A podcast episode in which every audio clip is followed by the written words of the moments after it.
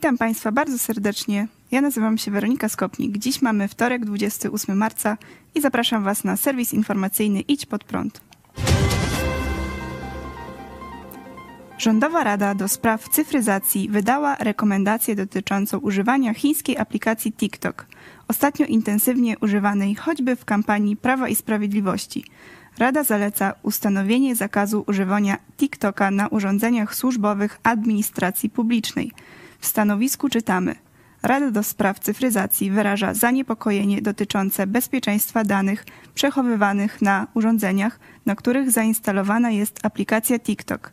Rada podziela obawy, że chińskie firmy technologiczne, w tym aplikacja TikTok, mogą wspierać władze Chin i ich służby wywiadowcze w gromadzeniu ogromnych ilości danych na całym świecie. To sformułowanie nie spodobało się firmie Huawei, chińskiemu producentowi telefonów.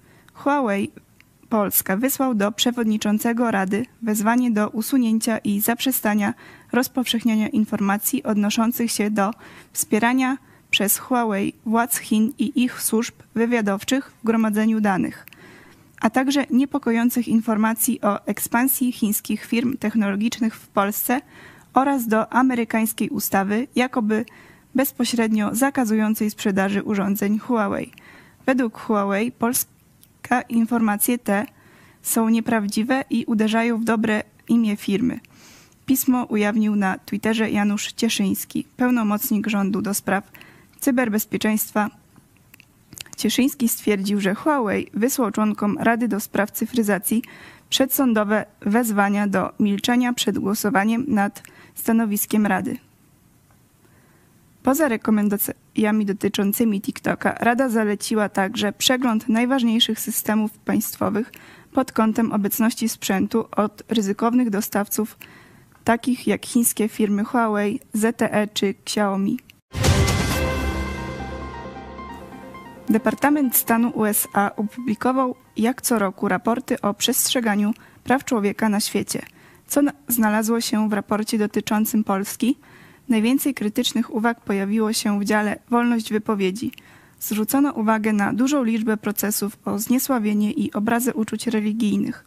Autorzy raportu powołują się na opinię Helsińskiej Fundacji Praw Człowieka – która stwierdza, że znaczna liczba spraw o zniesławienie i obrazę, szczególnie obrazy uczuć religijnych, jest realnym zagrożeniem dla wolności słowa i może tłumić debatę publiczną.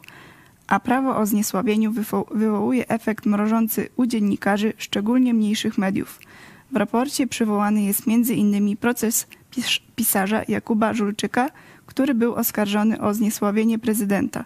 Amerykanie zwracają też uwagę na przejęcie gazet regionalnych przez państwowy koncern PKN Orlen, ograniczenia pracy dziennikarzy przy granicy z Białorusią w związku z kryzysem migracyjnym oraz problemy z przedłużeniem koncesji dla telewizji TVN24.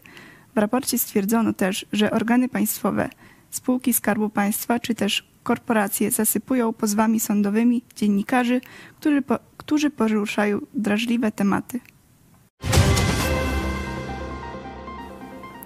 Zwrot w sprawie reformy sądownictwa w Izraelu. Premier Izraela Benjamin Netanyahu ogłosił we wczorajszym przemówieniu do narodu, że aby uniknąć wojny domowej i aby rozwiązać konflikt między protestującymi a rządem, wstrzymuje plan przeprowadzenia reformy sądownictwa do następnej sesji parlamentu. W poniedziałkowym wystąpieniu premier Benjamin Netanyahu zapowiedział: Jednej rzeczy nie jestem skłonny zaakceptować – Istnieje możliwość ekstremistów, którzy są gotowi rozerwać nasz kraj na strzępy, prowadząc nas do wojny domowej i wzywając do odmowy służby wojskowej, co jest straszną zbrodnią. Jesteśmy na niebezpiecznym rozdrożu. Zatem, chcąc zapobiec rozłamowi w narodzie, zdecydowałem się opóźnić drugie i trzecie czytanie, by osiągnąć szeroki konsensus. Po przemówieniu premiera największy związek zawodowy w Izraelu ogłosił odwołanie masowych demonstracji. Lider organizacji pochwalił premiera za podjętą decyzję i zaoferował pomoc w osiągnięciu porozumienia. Od kilku dni w Izraelu odbywają się największe od lat antyrządowe demonstracje. Powodem protestów są plany rządu Benjamina Netanyahu dotyczące przebudowy systemu sądownictwa. Zakładają one m.in. zwiększenie kontroli rządu przy wyborze sędziów Sądu Najwyższego, a także możliwość uchylania orzeczeń tego sądu przez parlament.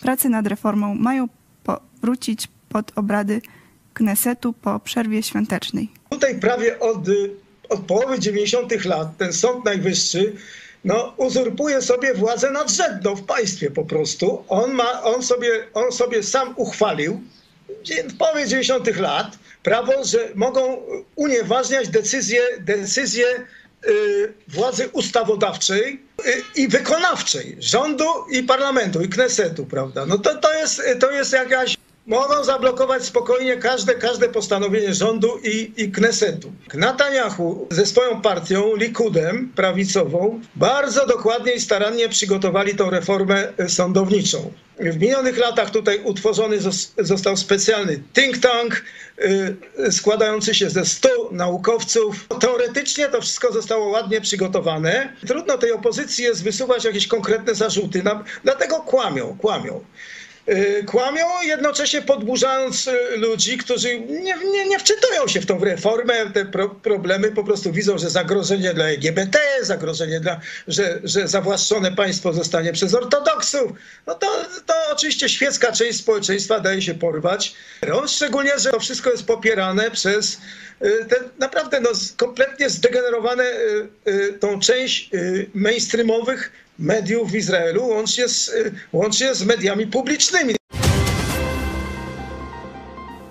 Sześć osób zginęło we wczorajszym ataku na szkołę w Nashville w Stanach Zjednoczonych. Wśród ofiar strzelaniny jest troje dziewięcioletnich uczniów i troje pracowników, w tym dyrektorka szkoły. Jak podała policja, ataku dokonała dawna uczennica placówki, 28-letnia Audrey Elizabeth Hale, identyfikująca się jako osoba transpłciowa została zastrzelona przez funkcjonariuszy, którzy przybyli na miejsce po kilkunastu minutach od pierwszych strzałów. Do tragedii doszło wczoraj około 10 rano czasu lokalnego. Nagranie monitoringu zarejestrowało, jak do prywatnej chrześcijańskiej szkoły podstawowej Convenant School targnęła napastniczka uzbrojona w dwa karabiny i pistolet.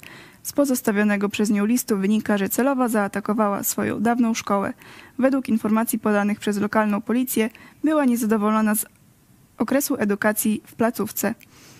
Napastniczka sporządziła przed atakiem dokładny plan budynku. Według śledczych napastniczka rozważała także atak na inną szkołę, ale oceniła, że jest tam zbyt dużo ochrony.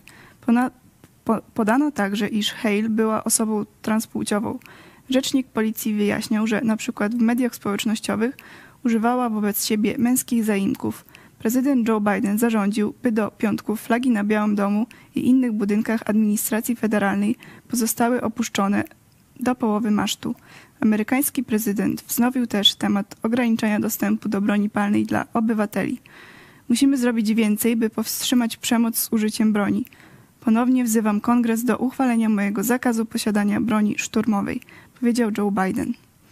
Amerykańska organizacja NRA, broniąca dostępu do broni palnej, dla obywateli wskazuje natomiast, że tym, co zwiększa niebezpieczeństwo szkół i powstrzymuje zamachowców, jest obecność uzbrojonej ochrony. Marszałek czeskiego Sejmu na Tajwanie, delegacja, na której czele stoi Marketa Pekarowa-Adamowa, marszałek Izby Poselskiej, przybyła do Tajpej w sobotę. Czeska polityk wczoraj spotkała się z prezydent Tajwanu Tsai Ing-wen, która ciepło skomentowała wizytę. Z przyjemnością witamy panią marszałek Marketę Pekarową-Adamową i jej delegację, podobnie jak Milos Wystracil przed nią. Pani marszałek przeciwstawia się mocnym naciskom, składając tę wizytę. Jej determinacja je, jest świadectwem silnego zaangażowania Tajwanu i Czech w demokrację i wolność.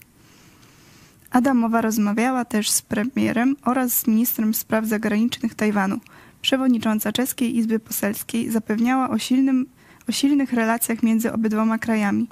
Drodzy koledzy, parlamentarzyści i drodzy obywatele Tajwanu, gwarantuję Wam, że jesteśmy z Wami teraz, będziemy z Wami nadal i w każdych okolicznościach. Płyniemy razem w tej samej łodzi, ponieważ Wy jesteście z nami, my jesteśmy z Wami. Przeciwko wizycie czeskiej delegacji protestowały komunistyczne Chiny, które wciąż roszczą sobie prawa do kontroli nad Tajwanem. A jeszcze dziś o 18 zapraszamy Was na kolejny e, program Kapłan na rozdrożu. Do byka mówiłem bracie. Dziękuję za dziś i do zobaczenia.